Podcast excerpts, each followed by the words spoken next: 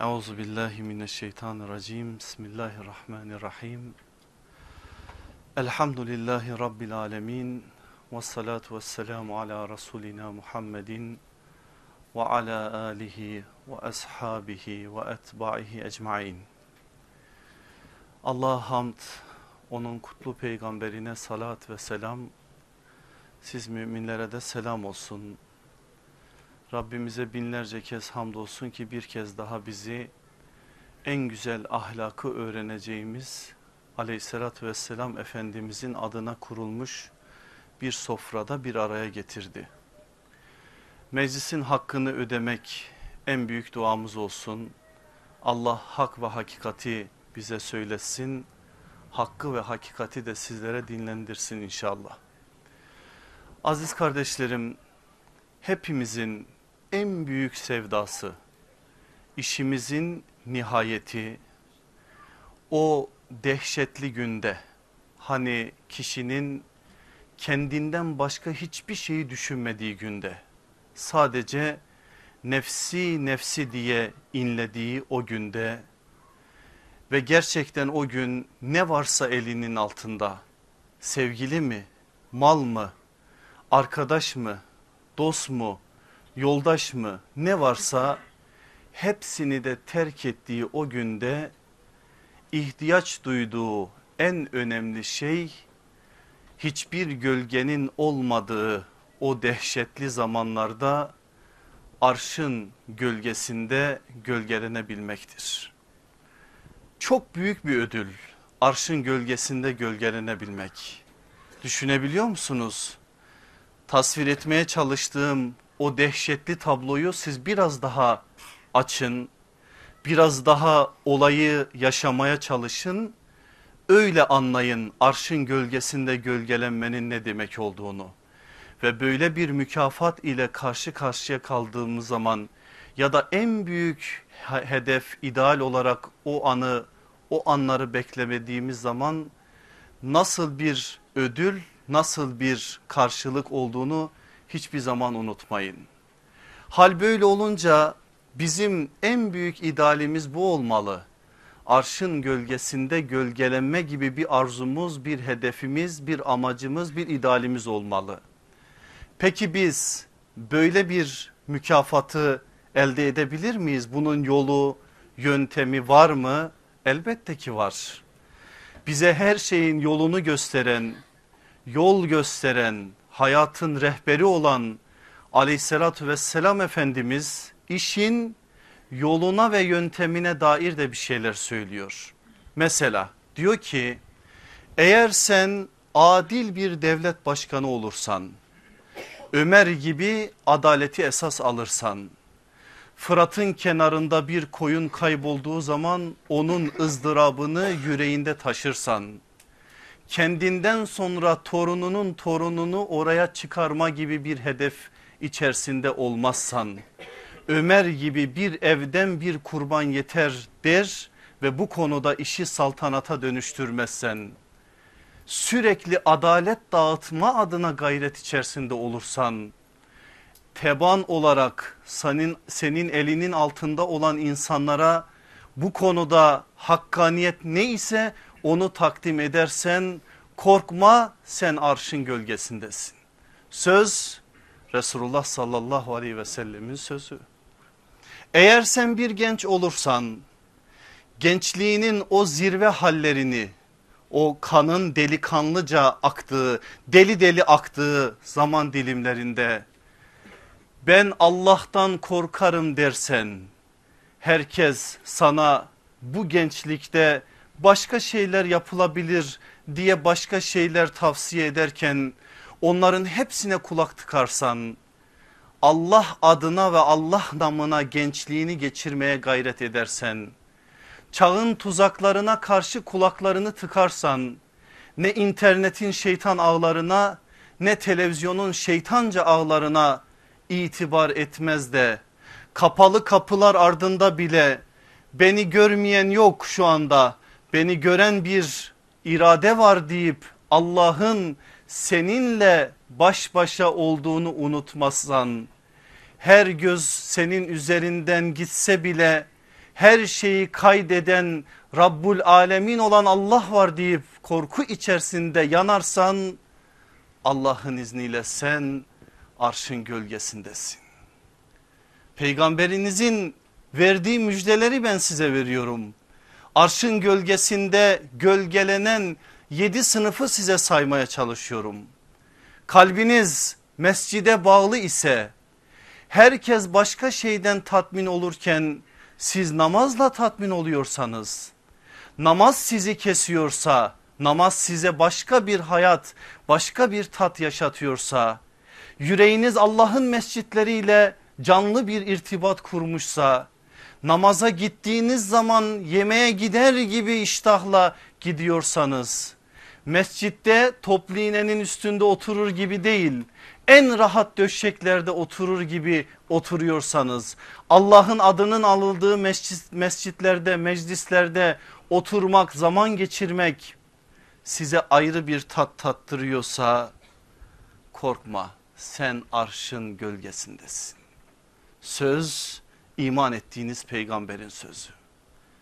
Allah için birini seviyorsan kariyeri için değil cebi için değil bununla irtibatım devam etmeli çünkü bu bana yarın lazım olacak bir gibi bir mülahazayla değil. Sadece ve sadece Allah için seviyorsan onun ayağı kaydığı anda senin yüreğinden sanki bir parça kopmuş gibi ızdırap çekiyorsan dostum yanmasın ben yanayım deyip onun için kendini öne verebiliyorsan onun selameti adına sen kendinin rahatından vazgeçiriyorsan ve bunu da dediğim gibi sadece ve sadece Allah için yapıyorsan korkma sen arşın gölgesindesin. İki kişi Allah için birbirlerini severlerse ve bu sevgilerini daim bir halde devam ettirirlerse müjde Resulullah sallallahu aleyhi ve sellemin. Cemal ve makam sahibi bir erkek kadınlar bunu öyle anlasın erkekler de bunu kadın olarak anlasın. Burada aslında Resulullah'ın söylediği karşı cinstir ama ben erkeklere kadın diyeyim. Cemal ve makam sahibi bir kadın seni davet ediyorken sen çağın Yusuf'u olmuşsun cebbar olan Allah'tan korkarım demişsin. Her türlü iffetsizliğin övgüyle anıldığı zeminlerde bile ben cebbar olan Allah'tan korkarım deyip çağın züleyhalarının ambalajlarla seni davet ettikleri yaldızlı davetlerle seni bir şeye bir şekilde bir yerlere çekmeye çalıştıkları zeminde hepsine hayır diyebiliyorsan korkma sen arşın gölgesindesin. Tüccarsın, ticaret yapıyorsun, ortağını Allah kılmışsın. Ne demek olduğuna geleceğim. Yüreğin Allah'la beraber alıyorsun, satıyorsun, kar ediyorsun. Elde ettiğin karı da Allah yolunda harcıyorsun. Ama reklam yapmıyorsun. Yaptığın reklam işinden büyük olmuyor ben bileyim Rabbim bilsin diye bunu gizli tutuyorsun. Tabela asmıyorsun, alkış beklemiyorsun, taltif beklemiyorsun. Sadece ve sadece Allah için yapıyorsun. Korkma sen arşın gölgesindesin. Müjdeyi veren aleyhissalatü vesselam Efendimiz. Gecelerini gözyaşıyla geçiriyorsun. Herkes yorganı başına geçirince sen yorganı üstünden atıyorsun. Hani tartışmıştın ya arkadaşlarınla gündüz o rahat saatlerde İslam ümmetinin hali için yandığını farklı farklı şeyleri süslü kelimelerle söylemiştin ya. O orada kaldı. Şimdi gecedesin hiç kimse yok seni gören ama sen varsın. Rabbim var. Attın üstünden yorganı kalktın seccadenin üstünde. Suriye dedin ağladın Kudüs dedin ağladın Mescid-i Aksa dedin ağladın şu dedin ağladın bu dedin ağladın. Gözyaşlarıyla geçirdin o geceni. Korkma sen arşın gölgesindesin. Müjdeyi veren aleyhissalatü vesselam Efendimiz Allah'ım sen başta bu sözlerin sahibini sonra da biraz sonra bu duaya amin diyecek şu kardeşlerimi bu yedi sınıftan bir tanesine dahil et. Olsak ne bahtiyar oluruz değil mi? Ama size bir şey söyleyeyim bir ufuk olsun bize bir ideal olsun bize.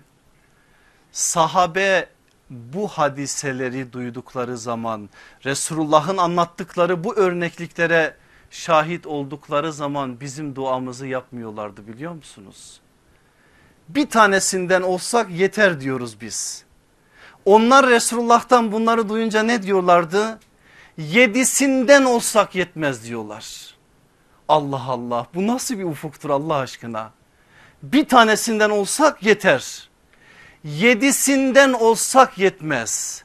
E bu da sahabe ile bizim aramızdaki fark 1'e 10 verecek Resulullah'ın müjdesiyle inşallah biz o 1'e 10'u alacakların içerisindeyiz. Peki sahabenin o ufkunu ben öylesine mi söylüyorum yoksa gerçekten bir delilim var mı? Size Bukhari'den bir tablo aktarayım. Hadiseyi bize aktaran Ebu Hureyre olayın kahramanı sahabenin ufuk çizgisinin en üstünde duran Hazreti Ebu Bekir. Aleyhissalatü vesselam Efendimiz cennetlikleri anlatıyor. Bugün çok anlatacağız biz de. Ve cennetliklerin dünya dünyada iken hangi amelle araları iyiyse o amele ait bir kapıdan cennete gireceklerini söylüyor Efendimiz. Diyor ki namazı kendilerine hayat tarzı edinenler namaz kapısından girecekler. Cihadı kendilerine hayat tarzı edinenler cihat kapısından girecekler. Orucu kendilerine hayat tarzı edinenler reyyan kapısından girecekler. İlimle uğraşanlar ilim kapısından girecekler sayıyor Efendimiz. Söz Hazreti Ebu Bekir'in dilinde şöyledir. Anam babam sana feda olsun ya Resulallah. Bu kapıların hepsinden girmek mümkün değil mi? Ne dedi Hazreti Ebu Bekir?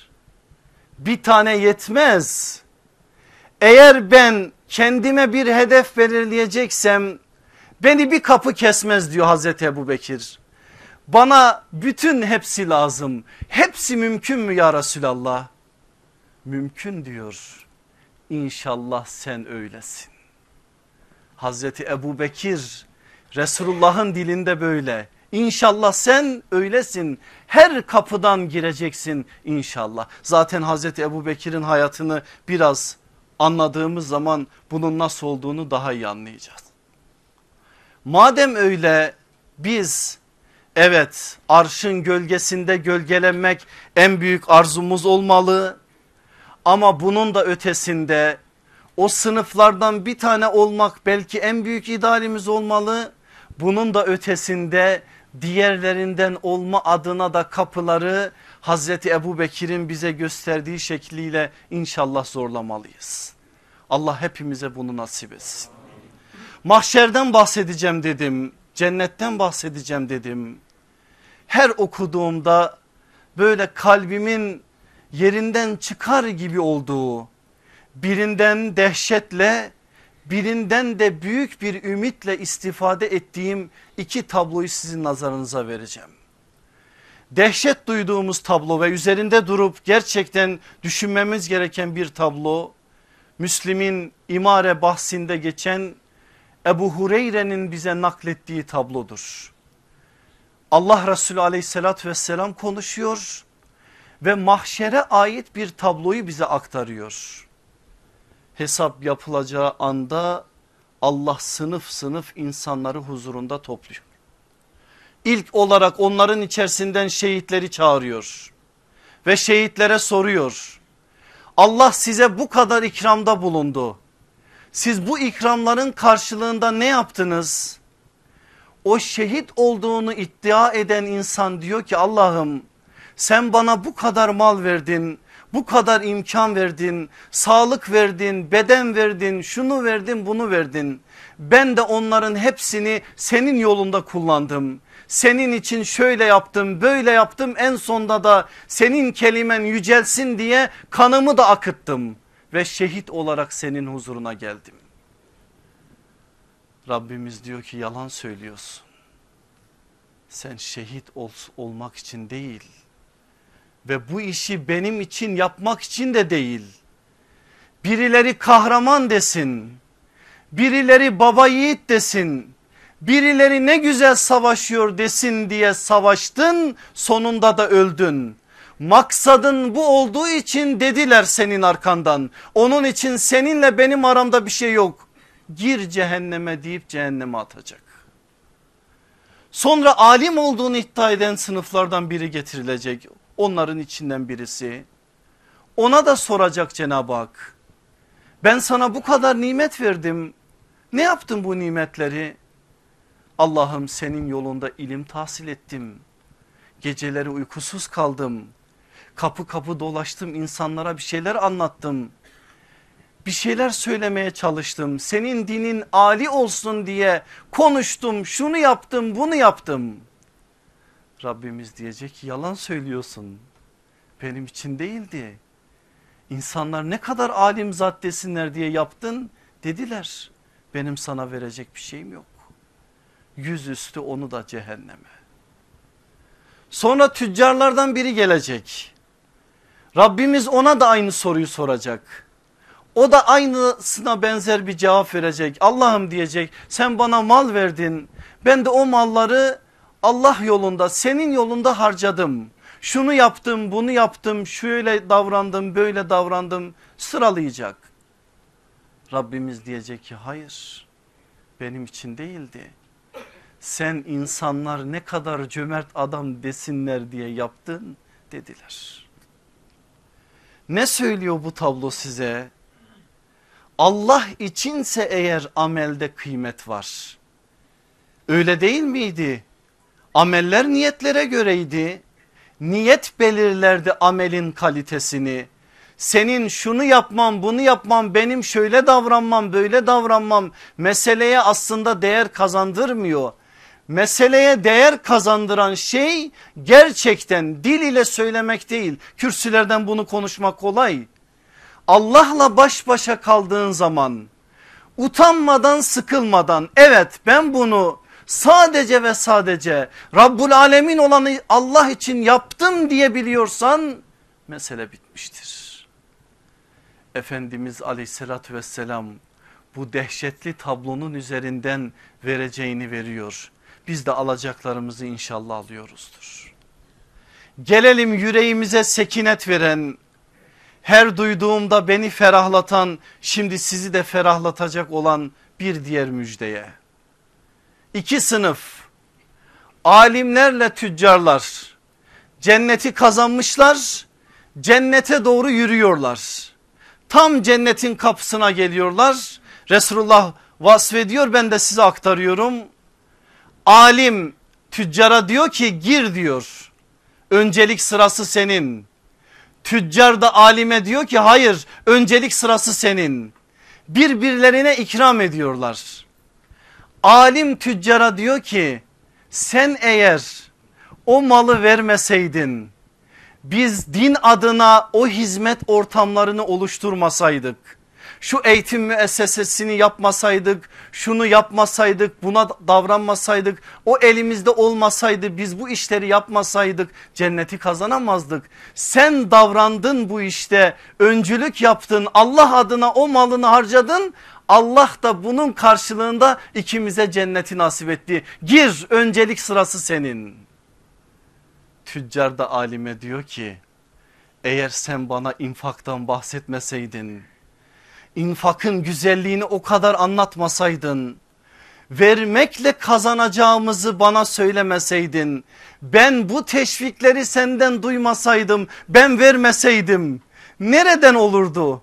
Sen bu işleri bana yaptıransın sen bu işi teşvik ettiğin için ben yaptım gir öncelik sırası sende. Sonra önceliği alim alacak cennete girecek arkasından da tüccar girecek. Allah bizi de onlardan etsin inşallah. Bir ufuk bir şey söylüyor Efendimiz.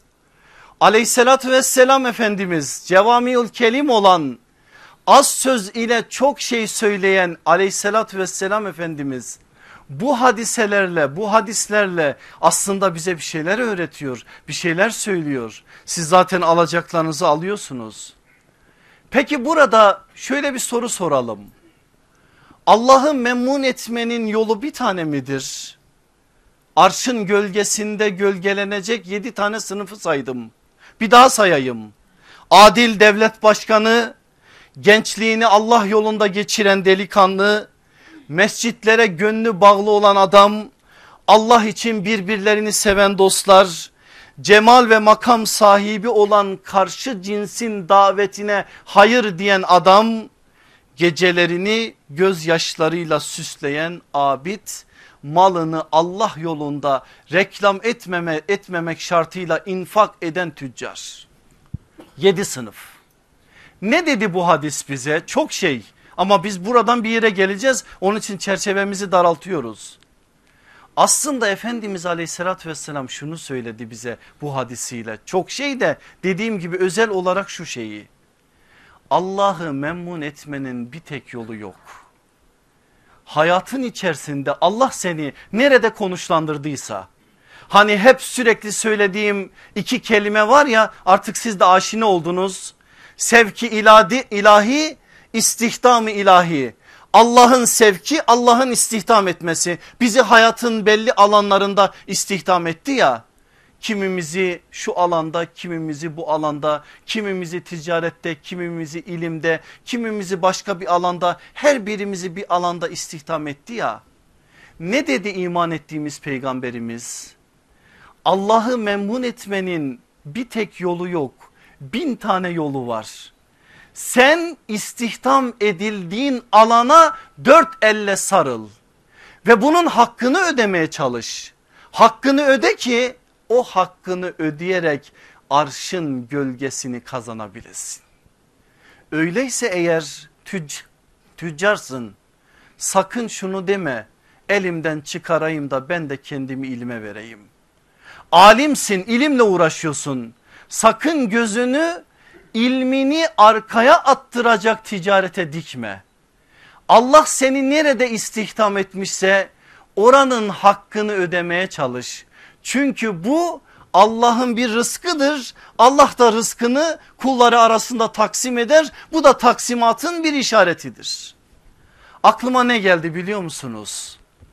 Fudayl İbni İyad'ın Abdullah İbni Mübarek'e ve İmam Malik'e yazdığı mektup geldi. Onların da verdiği cevaplar tam da bu mesele hakkında. Hani Fudayl İbni İyad yaşadığı dönemin Hazreti Ebu Zer'idir ya şakidir, yol kesen, kervan kesen birisidir. Allah hidayet vermiştir. O hidayetin üzerinden bütün olumsuzlukları hayatından çıkarmıştır. İbadetin neşvesini sonuna kadar tatmıştır, bırakmıştır bütün işlerini haremeyne, Mekke'ye, Medine'ye kendini kapatmıştır ve oranın abid bir zatı olmuştur. Onun tarihteki lakabı Abidul Harameyn'dir iki haremin abididir. Gerçekten de abidlik onda bir başka haldedir. İbadetin neşvesini o güzelliğini tadını alınca kendi çağdaşı olan ve arkadaşları olan Abdullah İbni Mübarek'e ve İmamı Malik'e Malik bin Enes Maliki mezhebinin imamı biliyorsunuz iki tane mektup yazıyor. Mektupları şöyle diyor ki Abdullah İbni Mübarek'e ben duydum ki sen şu anda Tarsus'ta cihatla uğraşıyormuşsun. Bırak Allah'ın askerleri çok. Sen cihadı başkalarına bırak. Dön gel benim gibi haremeyinde abid ol. Ne varsa abidlikte var. Senin ne işin var mücahitlikte? Bir mektupta İmam Malik'e yazıyor. Diyor ki ey imam duydum ki oturuyormuşsun Medine'de ilimle uğraşıyormuşsun her gelenin sorusuna da cevap veriyormuşsun. Başkalarıyla uğraşmanın ne ehemmiyeti var? Gel benim gibi abid ol iç dünyana dön Allah'la irtibatını güçlendir ve bundan başka da bir şeye tenezzül etme. Mektuplar ulaşıyor sahiplerine. Abdullah İbni Mübarek mektubunu Tarsus'ta Allah yolunda cihat halindeyken görüyor ve o da bir cevap yazıyor.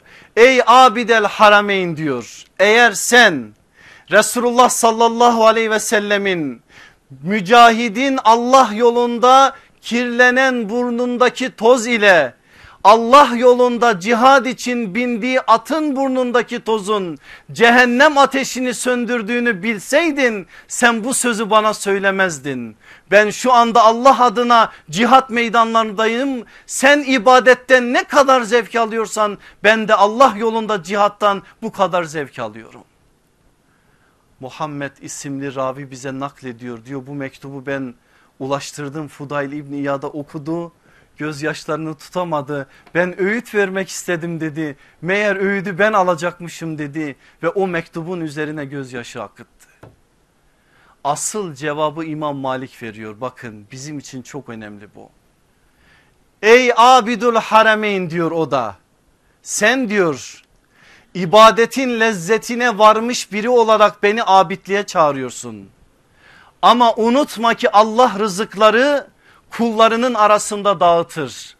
Rızık sadece yediğimiz işlerden kaynaklanmaz. Allah'ın verdiği ilim bir rızıktır. Allah'ın verdiği ticari kabiliyet bir rızıktır. Allah'ın verdiği cihat sevdası bir rızıktır. Allah'ın verdiği ilim sevdası bir rızıktır. Ve Allah bunları da kullarının arasında taksim eder. Biz şuranın altını çizerek söylüyorum farzları yerine getirdikten sonra nafile olarak ne ile uğraşırsak Allah'tan ecrimizi alacağız. Farzları yerine getirdikten sonra. Nafile olarak ne ile uğraşırsak? Cihatla mı? İlimle mi? Ticaretle mi? Ne ile uğraşırsak Allah'tan alacağız. Yeter ki burada önemli olan husus farzlar ihmal edilmesin bir. İkincisi o yapılan işin hakkı yerine gelmiş olsun. Demek ki biz hakkını ödersek eğer hayatın içerisinde bulunduğumuz konum ne olursa olsun arşın gölgesini kazanabileceğimizi hiçbir zaman unutmayalım. O halde başkasının elindekine imren, imrenme neyse imrenebiliriz de haset etmeyelim. Başkasının elindekine değil kendi elimizde olanların hakkını yerine getirme adına gayret içerisinde olalım. Biraz onları konuşacağız. Biraz işin ahlaki boyutunu konuşacağız. Biraz ticaretten almamız gerekenleri neleri hayatımıza taşımamız gerektiğini konuşacağız. Neden muhteşem ahlak derslerinin ilk bahsi ticaret bahsi oldu merak ediyor musunuz? Size iki tane önemli şey söyleyeyim. Bu derslerde aslında ben eğer diğer ahlak kitaplarının yazarları gibi yapsaydım işin bidayetinde size aktaracağım husus kronolojiye de uygun bir biçimde ana babaya ihsan olmalıydı. Bakın mesela size bir kitap söyleyeyim yoksa kütüphanenizde, kütüphanenizde o kitap olsun. İmam Bukhari'nin biz sadece sahihini biliriz. En meşhur kitabı odur zaten o bambaşka bir yeri var. Ama İmam Bukhari'nin sahihinden başka 15'e yakın kitabı vardır çok önemli. Tarih kitapları vardır 3 tane Tarihul Kebir, Tarihul Efsad, Tarihul Sahir diye. Bir de onun yine hadis alanında yazdığı çok önemli bir kitap var Edebül Müfret diye. Şahsın edebi, şahsın adabı. Orada İmam Bukhari ahlak hadislerini derlemiştir. Ve bir Müslümanın hayatında olması gereken ahlaki vasıfları Resulullah sallallahu aleyhi ve sellemin sözleri çerçevesinde bize çok güzel bir uslupla aktarmıştır. Herhalde bu kitabın Türkçesi de var ahlak hadisleri diye. Ben eğer İmam Bukhari'nin bu yolunu izleseydim ilk bahis olarak size ana babaya ihsan anlatı, anlatmam gerekirdi ki anlatacağım ilerleyen derslerde. Ama beni ticaret ahlakını anlatmaya sevk eden iki önemli husus var. Nedir o? Birincisi şu. Efendimiz aleyhissalatü vesselam işe ticaret ahlakı ile başlamıştır. Nereden çıkarıyorum bunu? Delillerini söyleyeyim. Ne söylersem sorun bana başkasına da sorun. Kur'an'dan öğrendiğimizi soralım. Hatu burhanekum in kuntum sadikin deyin. Getir bakayım delillerini eğer doğru sözlüysen. delilsiz mesnetsiz konuşmayacağız. Bu Kur'an'ın bize öğrettiği önemli bir adab önemli bir ahlaktır. Efendimiz aleyhissalatü vesselam 40 yaşında nübüvvet hırkasını giyince risalet tacını kuşanınca işe ticaret ahlakından başlamıştır diyorum. Biz de bunun için ticaret ahlakından başlayacağız diyorum. Niye bunu söylüyorum? Bakın Mekke'ye Mekke dediğiniz yer o gün ticari bir merkezdir. Aynen dini bir merkez olmanın yanında. Bakın Mekke coğrafyasında ziraat yok. Sıfır. Zira, zirai anlamda hiçbir iş yapılamıyor orada. Ziraat olmadığı için hayvancılık da yok. Ezraki'nin bize tasvir ettiği o Mekke'de 12 bin tane dağ var. Şimdi o dağları birer birer yerinden ediyorlar. Saymak da mümkün değil ama o zamanki tespit bu. 5 bin tanesi Mekke'nin çevresinde 7 bin tane de haremin bölgesinde. O güzel topraklara yolunuz düştüğü zaman şöyle yüksek bir tepeye çıktığınızda zaten söylenenin ne kadar doğru olduğunu görüyorsunuz. Ne kadar kaldırmışlarsa ondan daha fazlası da vardır. Volkanik dağlarla örülü bir coğrafya orası. Hal böyle olunca hiçbir şey yapılamıyor orada. Ne ziraat var ne ticaret var. Medine öyle değil. Şu anda Mekke'yi konuşuyoruz. Böyle olduğu için ta aleyhissalatü vesselam efendimizin 21. göbekten babası olan dedesi olan Adnan'dan itibaren öncesi de var ama tarihi kayıtlar biraz daha ondan sonrasına ait teferruat verirler bize ticari anlamda inanılmaz düzeyde bir hareketlilik var o bölgede. Resulullah sallallahu aleyhi ve sellemin 5. göbekten dedesi olan Kusa'ya gelince iş Kusa'ya kadar Mekkeliler hep dışarıdan parayla satın alıyorlar. Ne lazımsa onlara her şey dışarıdan gelmeli orada üretim yok zaten parayla aldıkları için dışarıdan gelen tüccarların meskeni o gün Mekke. Ama Kusay çok büyük bir devlet adamı çok akıllı bir insan. Kabe'nin idaresinde de biliyorsunuz önemli adımları var onun. Bakıyor ki bu iş böyle gitmeyecek. Ve o gün dört oğlunu dört tane coğrafyaya göndererek Yemen'e, Suriye'ye, Mısır'a, Necran'a buralarla ticari bağlar kuruyor ve o güne kadar hep satın alınırken dışarıdan gelen tüccarlardan satın almaya adına adımlar atılırken Kusay'ın dört oğluyla birlikte Mekke'deki ticaret direkt Haşim oğullarına gelene kadar Efendimiz aleyhissalatü vesselamın soy silsilesine geçmiş oluyor. Ve başlıyorlar ticaret yapmaya. Kur'an'a da giren Kureyş süresindeki yaz ve kış ticaretleri Resulullah sallallahu aleyhi ve sellemin üçüncü göbekten dedesi olan Haşim'in attığı bir adımdır. İlaf onun yaptığı bir şeydir. Mesela bazı araştırmacıların verdiği bir bilgiyi vereyim size. Hamidullah hocanın verdiği bilgiye göre o gün Resulullah'ın zamanına yakın bir dönemde Mekke'nin nüfusu 10 bin. 10 bin kişiye ne kadar yiyecek ne kadar giyecek lazım bunu araştırmış ilim adamlarımız ve demişler ki 10 bin kişinin yiyeceği ve giyeceği en az 2-3 deve yükü olmalı. Siz bunun üzerinden anlayın ne kadar mal geliyor Mekke'ye. Sürekli bir mal akışı var. Bunun ötesinde o gün bölgede kurulan ticari fuarlar, bugünkü uluslararası fuarlar nerede kuruluyor? Hep orada. Zülmecaz orada, Ukaz orada, Mecenne orada, Mina orada. Neden bu? Ticari merkez. Orada bir akış var. Ve böyle bir akışın olması, ticari merkezin özellikle Mekke'de olması İslami davetin yayılmasına da en önemli etken olmuştur. Neden? 5. yıl aradan 5 sene geçmiş nübüvvetin üzerinden Mekke'deki ortaya çıkan risaletin davasının mesajlarından haberdar olmayan hiçbir devlet kalmamış. Çünkü biraz önce adını saydığım pazarlara Hindistan'dan o gün Bahreyn'den Çin'den Arap Yarımadası'nın tamamından Afrika'dan tüccarlar gelip gidiyor. Gelen giden Mekke'deki hadiselerden haberdar oluyor. Onlar da kendi ülkelerinin haberlerini getiriyorlar. İnternetin iletişimin olmadığı bir zaman diliminde bunun ne demek olduğunu anlıyorsunuz değil mi? 5 yıl içerisinde İslam'ın mesajı o günkü yer kürenin neredeyse üçte birlik bir kısmına ulaşıyor. Kimin eliyle? Tüccarların eliyle. Ve Resulullah sallallahu aleyhi ve sellem İlerleyen derslerde size anlatacağım tüccar peygamber diye bir bahis koyacağız. Sadece Efendimizin ticaretini ve tüccarlığını anlayacağız.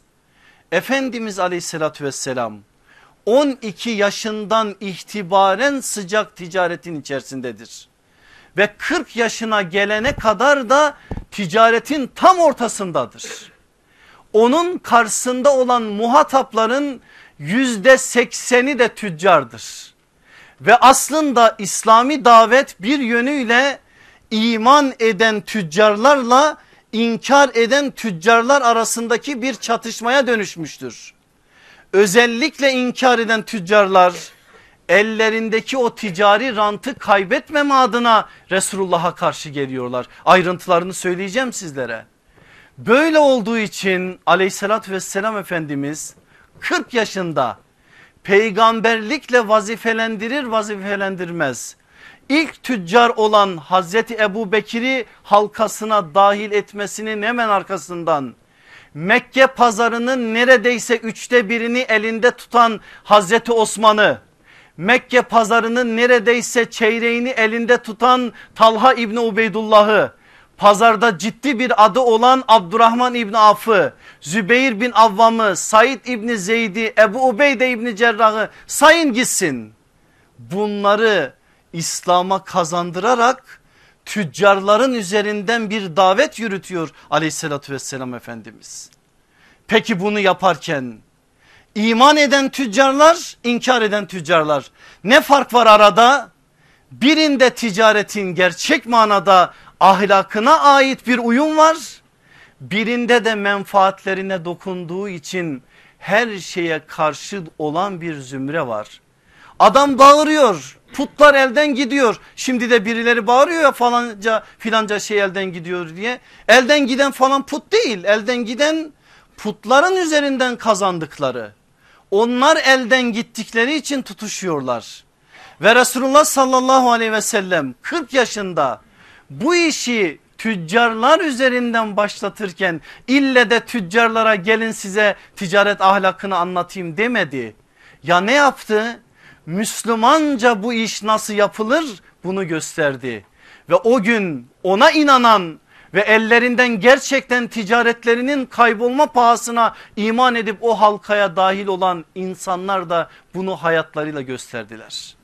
Neden biz özellikle muhteşem ahlak derslerimizde ticaret bahsini öne aldık anladınız değil mi? İşin birinci boyutu bu. Ya ikinci boyutu? İkinci boyuta bilmiyorum bana hak verecek misiniz? En fazla sınıfta kaldığımız alan bu değil mi Allah aşkına? Bir bakıyorsun konuşuyor. Öyle bir konuşuyor ki dersin ki bu adam mücahit. Hiç dünyaya tenezzül etmiyor öyle bir zahitçe uslubu var. Aman Allah'ım bir onunla ticaret yapmaya gör. Bir iş olmasın şöyle bir menfaatine dokunan bir iş olmasın. Daha birkaç saat önce mangalda kül bırakmayan o insan bir bakıyorsunuz bambaşka bir insan oldu. Hayalden mi bahsediyorum hakikatten mi bahsediyorum siz karar verin. Menfaate dokunduğu anda hepsini unutuyor. O iddialar o şeyler geliyorlar bazen gençler yeni ticarete atılacak olanlar öyle büyük idealleri öyle büyük hedefleri var. Her şeyi konuşmuşlar maşallah bir şeyi konuşmamışlar. Ticaretin ahlakı neyin üzerinden olacak onu konuşmamışlar. Çünkü onu zaten biliyorlar. En büyük sıkıntı da oradan çıkıyor. Sen nasıl ayrılacağını konuşmamışsan o ticareti başlatmayacaksın. Ahlak bunu söylüyor bize. Birleşmek kolay. Biz hissiyatımıza bir şekilde galip hissiyatımız bize galip geliyor. Coşkuyla heyecanla giriyoruz işin içerisine. Ama Allah ayetlerle onlarca yerde bize bu işin hukukunu söylemiş olmasına rağmen Resulullah sallallahu aleyhi ve sellem bu işin hukukunu ilkelerini yüzlerce hadisinde bize beyan etmiş olmasına rağmen bunları konuşmak bunları tartışmak hiç aklımıza gelmiyor. Ve daha iş belli bir noktaya gelmeden bitme aşamasına geliyor. Bir ahdim var ara ara söylüyorum size tekrar edeyim mi o ahdimi? 30 sene birbirleriyle ortaklığını devam ettiren iki tane ortak Müslüman tüccar görsem ellerini öpeceğim. 30 sene. Yok ben bilmiyorum göremiyorum ben. 10 sene 5 sene 3 sene bir sene. Bir bakıyorsunuz bir sıkıntılar çıkmış. Neler neler konuşuluyor neler neler söyleniyor. Neden? Orada sınıfta kalıyoruz. İhmal ettiğimiz şeyler var ve bunun için bizim bir an önce bu işin Müslümancasını da her işi bize gösteren asrı saadetin üzerinden öğrenmemiz lazım. Onun için ben ikinci sebepten dolayı da muhteşem ahlak derslerinde bu işi öne aldım. İnşallah isabet kaydetmişimdir takdir sizin. Size bir soru soruyorum. Diyorum ki zahit kimdir diye bir şey söylesem bana ne dersiniz? Zühd İslam'ın çok güzel ve bize tavsiye ettiği bir hususiyet. Ama zahit kelimesini kavramını duyar duymaz aklımızda bizim başka şeyler beliriyor. Zahit adam kendisini Allah'a adamış adamdır. Başında sarığı vardır, sırtında cübbesi vardır, belki asası vardır. İnsanlarla alakası yoktur. Allah'a ibadet halindedir her an. Böyle midir acaba zahit tarifi İslam'da? Yoksa biz zahit deyince Kur'an'ın çerçevesinden Resulullah sallallahu aleyhi ve sellemin mektebinin üzerinden başka şeyler mi öğrenmeliyiz? Bakın zahitliğin ne demek olduğunu anlayan insanlardan size örnekler vereyim. Hepimiz aşağı yukarı Hanefiyiz. Şafi olan kardeşlerimiz de var. Mezhebimizin büyük imamı İmam Ebu Hanife'nin büyük bir talebesi 18 yaşında fetva verecek kadar ilimde mesafe kat etmiş büyük insan İmam Muhammed Eşşeybani'nin bir hatırası. Onun ilim yolculuğunda son yazdığı kitap El Kesp'tir. Kesp yani kar alışverişle ilgili bir kitap yazmış. Bu kitabın tarihçesini bize anlatan bazı kitaplar şöyle bir bilgi veriyorlar. İmam Muhammed bir gün karar veriyor ve diyor ki artık ben kitap telif etmeyeceğim bitti. Bundan sonra ben yazdığım kitapları kontrol edeceğim. Talebeleri bunu duyunca varıyorlar hocalarının yanına hocam diyorlar. Madem bu işte son noktayı koyacaksın hadi bize bir tane de zühd kitabı yaz da hiç değilse senin kaleminden okudukça zühdümüz artsın. Allah'a yakınlığı o kitabın bize aktardığı mesajlar çerçevesinde anlayalım. Yazdım diyor ben. Hocam biz senin en iyi talebeleriniziz. Ne yazdığını çok iyi biliriz.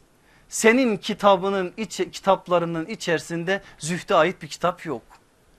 Evladım ben yazdım diyor. Talebeler zorlayınca çıkarıyor El Kesb isimli kitabını veriyor. Ve söz nedir biliyor musunuz? Zahitlik mağarada olmaz evladım. Zahitlik çarşıda pazarda insanların içerisinde alırken satarken olur. Sen gerçek manada zahit mi olmak istiyorsun? Hayatın içerisinde olacaksın. Peki bu aykırı değil mi bizim öğrendiklerimize? Ben onu bilmem onu siz mukayese edin. Soruyorlar tabinin büyük imamlarından Süfyan İbni Üyeyne'ye. Diyorlar ki adamın yanında 100 dirhem varsa biliyorsunuz dirhem gümüş paradır dinar altın paradır. Gümüş biraz değer kaybettiği için 100 dirhem şu anda az bir para olarak gözükür bizim gözümüze ama o günkü dünyada alım gücü olan bir para miktarıdır. Bir adamın yanında 100 dirhem olsa o adam zahit sayılır mı? Böyle bir soru soruyorlar. Ne diyor biliyor musunuz o büyük imam? Sayılır diyor. Peki dünyaya dalmış diyorlar. Para biriktirmiş. Böyle bir adama biz zahit diyebilir miyiz? Evladım diyor parayla değerlendirilmez insanın zahitliği. Bakın zahitlik nasıl değerlendirilir? Eğer o adam elinden o yüz dirhem çıktığı zaman yüreğinde hiçbir sıkıntı duymuyorsa o yüz dirhemi on bin dirhem olunca da sevinçten uykusu kaçmıyorsa o adam zahittir. Çünkü o adamın dünya sevgisi kalbinde değildir. Size neyi hatırlattı bu Mevlana'yı hatırlattı değil mi? Nasıl tarif ediyordu o büyük insan? Dünya malıyla olan bir müminin münasebeti şöyle olmalı. Ne kadar çok olursa olsun okyanus kadar olsun. Sen de o okyanusun üstünde bir gemi ol. Su ne kadar çok olursa olsun gemi ne yapacak? Rahat hareket edecek. Ama sıkıntı nerede? O gemi suyu içine almaya başladığı anda problem başlamış. İşte dünya sevgisi kalbe girmedikten sonra miktarı ne kadar çok olursa olsun ne olur? Size aktaracağım ilerleyen derslerde. Böyle adını duyduğunuz zaman titreyeceğiniz sahabe efendilerimizin vefat ederlerken ne kadar mal bıraktıklarını söyleyeceğim. Şimdi bazıları mülkiyet düşmanlığı yapıyor ya içimizden bazıları. Komünistler ondan vazgeçtiler biz yeni komünist olduk. Şimdi onların söylediklerini konuşuyoruz. O insanların vefat ederlerken bile ne kadar mal bıraktıklarını size söylediğim zaman şaşıp kalacaksınız. Ama zahit mi? Vallahi zahit. Sad bin Ebi Vakkas zahit mi? Zahitliğin kitabını yazan bir insan. Zübeyir bin Avvam zahit mi? Hem de ne zahit. Ama buna rağmen arkada malları var. İslam mülkiyetin düşmanı değil. Burada aslında yolu öğretiyor bize. Sizi biraz daha tabi'in etbay tabi'in devrinden sahabe devrine getireyim. Meseleyi iyice anlayalım ki ahlaki ilkeleri daha iyi kavrayalım. Devir Hazreti Ömer devri geziyor Mescid-i Nebevi'nin içerisinde. Zaten öyledir. Adil devlet başkanı Ömer Ömer bu. Böyledir. Elinde kamçıdır. O kamçıya da kurban olalım. O olmadığı için halimiz böyle. Her şeyden haberdardır. Bakıyor ki mescidin bir köşesine oturmuşlar. Yırtık eski elbiseler içerisinde şöyle boyunlarını bükerek namaz kılıyorlar. Hazreti Ömer ona da çok kızar. Öyle riyakarca namaz kılan adamın kafasına indirir o kamçıyı. Söyleyeyim ki bilin yani. Onları görür. Şaşırır. Kim bunlar der? Derler ki bunlar Yemen'den gelmiş mütevekkil adamlar. Yani Allah'a tevekkül eden ve dünyaya hiç tenezzül etmeyen adamlar. Ne demiştir sizin tanıdığınız o büyük insan? Bunlar mütevekkil değil. Bunlar olsa olsa müekkil. Mütevekkilun değil müekkilun. Yani Allah'a tevekkül edenler değil yiyici bunlar. Getir gel miskin miskin mescitte otur. İnsanlar bana baksın de. Bunun adı tevekkül değil. Siz tevekkülün ne demek olduğunu öğrenmek istiyor musunuz diyor Hazreti Ömer onlara. Tevekkül toprağa tohum eken sonra Allah'tan yardım isteyendir. Anladınız değil mi Hazreti Ömer ne diyor bize? Tevekkül budur. Sonra başka bir sözünde diyor ki ey insanlar oturup da Allah'ın mescitlerinde ellerinizi açıp Allah'ım bana rızık ver Allah'ım bana rızık ver demeyin. Allah gökten indirmez altını ve gümüşü. Size Hazreti Ömer'in sözünü aktarıyorum. Altın ve gümüş yerden çıkar. Emek vermeden, ter dökmeden Allah size rızık vermez. Nübüvvet medresesinde yetişen bir talebenin sözüdür bu. Ve Hazreti Ömer zahitliği böyle resmediyor. Zahitliğin ne demek olduğunu bize öğretiyor. Çünkü iman ettiği peygamber alan el değil veren el ol demiş. Hayır vermektedir demiş. İnsanlara yaslanma demiş ve bunu derken de 8 yaşından itibaren kimseye yaslanmamış. Vallahi billahi tallahi de kendi şahsı için bir an olsun el açmamıştır sizin iman ettiğiniz peygamberiniz. Böyle bir peygamberimiz var bizim. O peygamberlik müessesesinin her bir yıldızı adı İbrahim'dir, adı Davut'tur, Adı Süleyman'dır. Bu ikisini özellikle söyledim. Hükümdar peygamberler. Nereye getireceğim sizi dikkat edin. Adı İsa'dır, adı Yahya'dır, adı Zekeriya'dır. Hepsine selam olsun. Dinden konuşmuş ama dinden geçinmemişlerdir. Tarihte bunun en büyük ispatıdır. Bakın kimisi demircilik, kimisi marangoz, çoğu çoban, bazıları kumaş ticareti Hazreti İbrahim'in bir dönem kumaş ticareti yaptığı söylenir bir hadise binaen. Hepsi alnının teriyle geçinmiş kazanmış ve kimseye de bu manada el açmamışlardır. Öyle olduğu için insanların karşısına çıktıkları zaman ey insanlar deyince karşılık buluyordular. Ama sen yaslanarak yürüdüğün zaman her gittiğinde insanlardan bir şey istediğin zaman insanlar seni isteyen biri olarak zihinlerine yazdıkları zaman sen nasıl tebliğ ve davet yapabilirsin?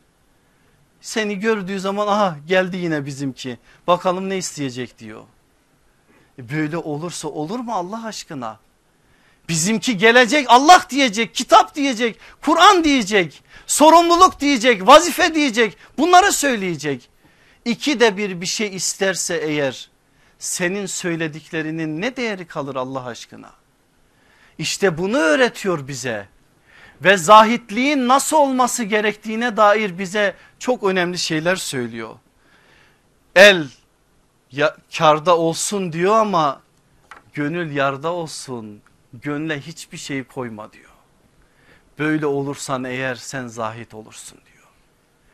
Ve ticaretin ahlakına dair ilkelerine dair de çok önemli şeyler söylüyor.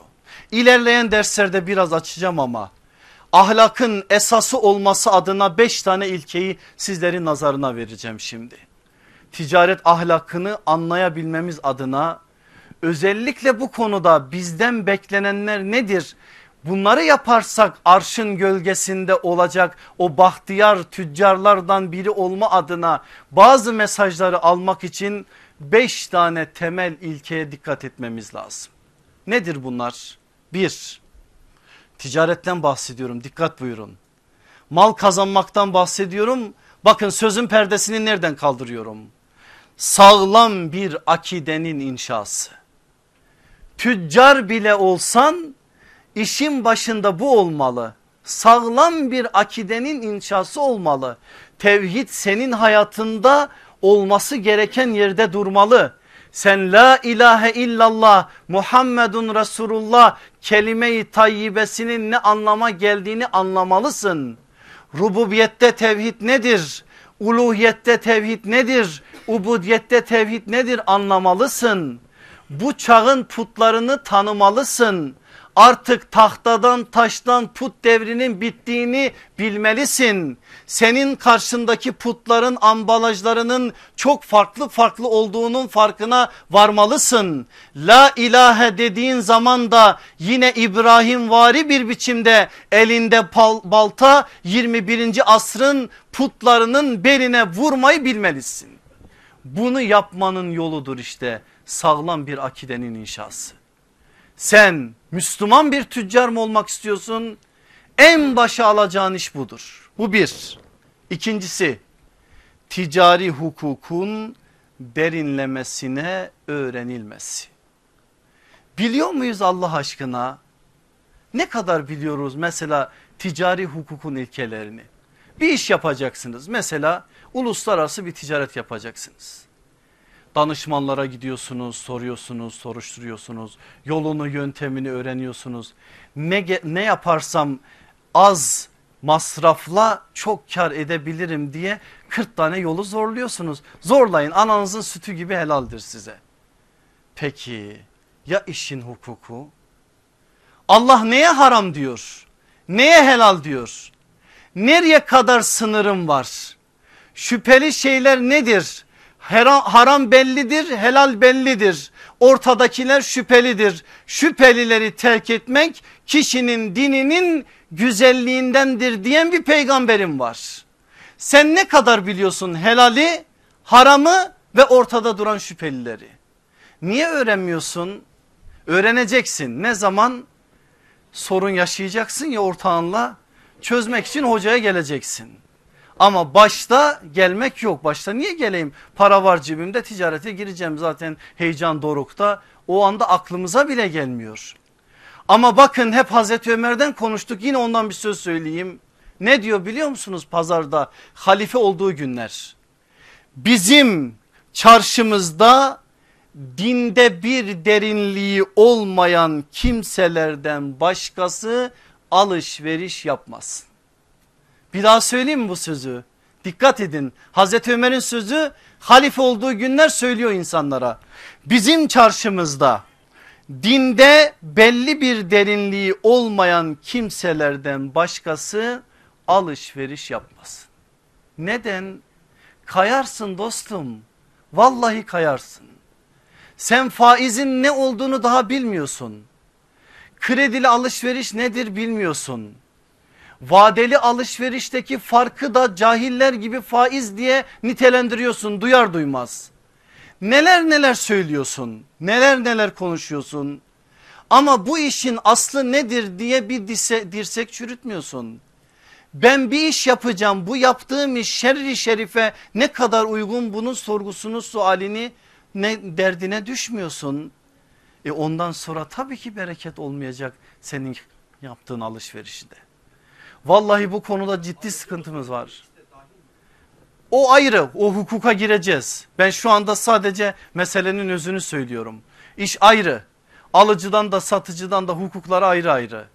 Ama burada biz bu hukukun temelini bilmediğimiz için bereket ticaretimizden, hayatımızdan, evlerimizden çekilip alındığı için bakın bunca nimete rağmen bereketsizlik yaşıyoruz ve bunca nimete rağmen halen sıkıntının içerisindeyiz.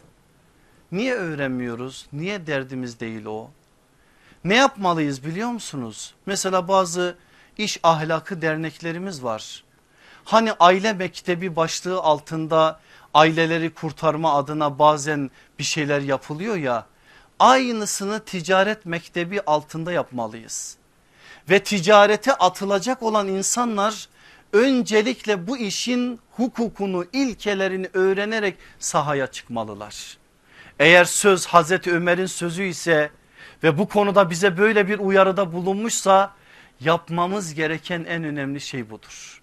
Bunları bilmeliyiz ki sıkıntı çekmeden bu sıkıntılı günlerde sıkıntılı zeminlerde haram helal sınırı tanımayan her şeyi bir şekilde kılıf bulan böyle bir zeminde biz Müslümanca yaşayabilelim ve Müslümanca ticaretimizi devam ettirebilelim.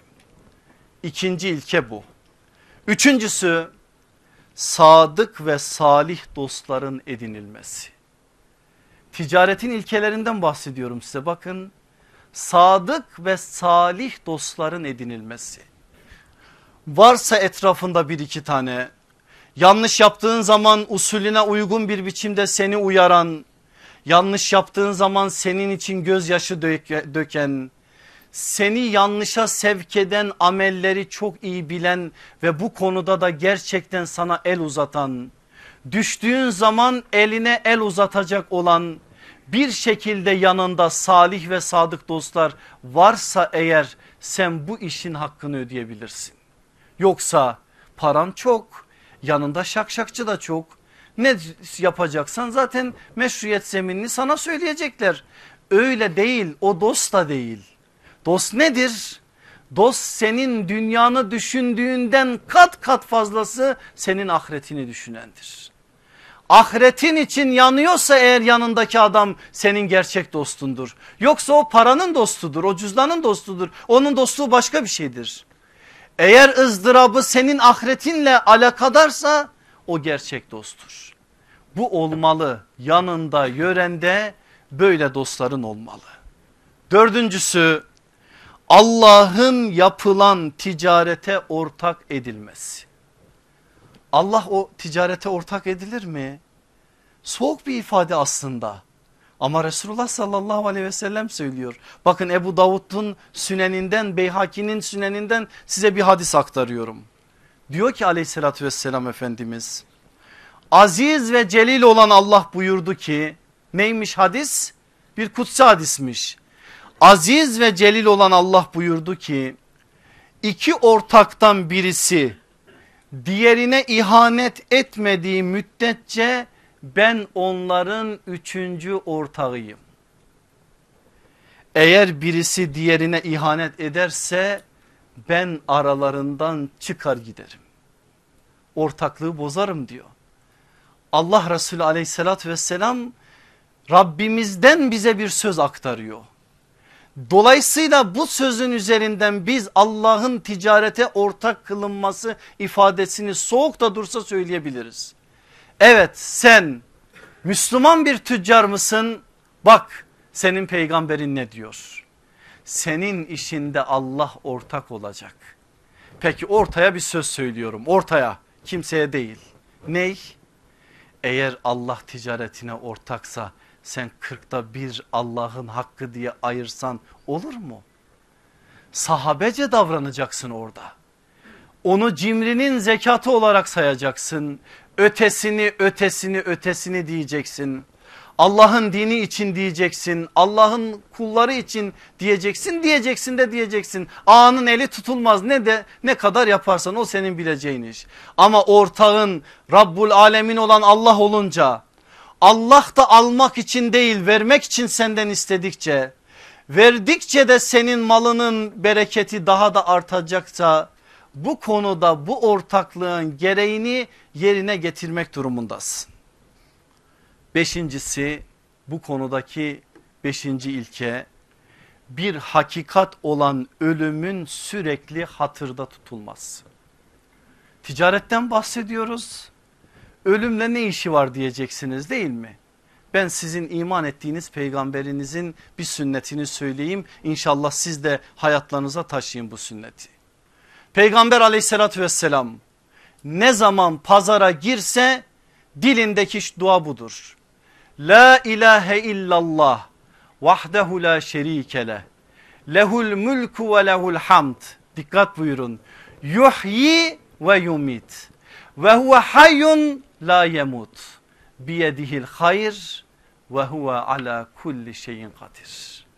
Niye bu dua? Resulullah niçin bunu söylüyor? Ölümü hatırlatıyor bakın.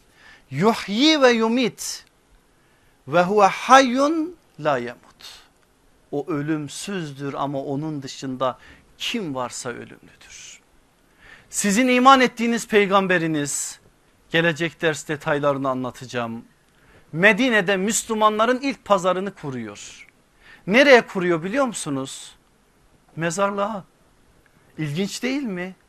Vallahi çok ilginç. Ama bir mesaj veriyor oradan mezarlıkları şehirlerin dışına atan kültür bizim kültürümüz değil. Ölümü hayatımızdan silip süpürmeye çalışan dünya görüşü bizim dünya görüşümüz değil. Biz mezarlıklarla barışığız. Ölümle barışığız. Çünkü biz öldükten sonra hayatın bittiğine inananlardan değiliz. Hayatın yeniden başlayanlar başladığına inananlardanız.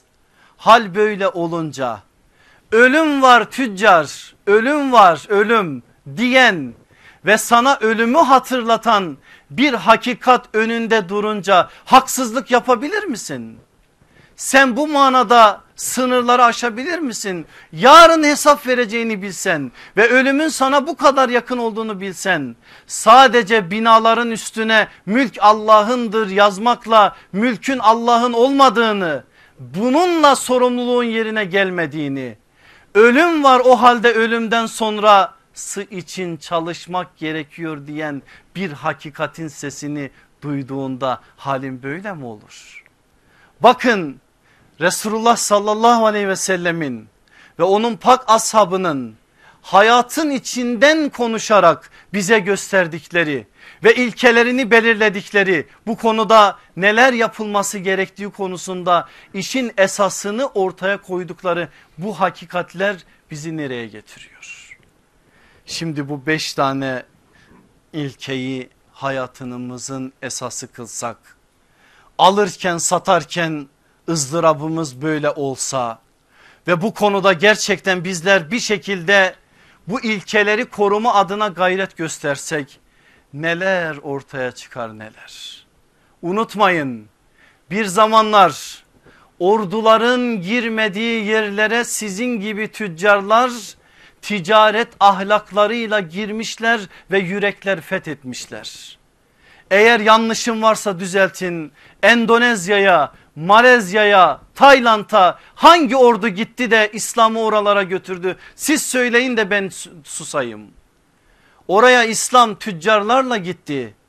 Alırken satarken Allah'tan korkan, Allah'ı ticaretine ortak kılan, Allah adına ve Allah namına yürüyen, bu konuda ızdırap içerisinde olan o tüccarlar ahlaklarıyla yaptılar yapacaklarını. Aynı iş şimdi bu çağın sahabisi olan senin işin. Yaşamak ve yaşatmak için böyle bir vazifem var. O halde bunları duymalısın. Allah duyanlardan etsin ve bu hakikatler çerçevesinde yaşayanlardan bizleri eylesin. Velhamdülillahi Rabbil Alemin. El Fatiha.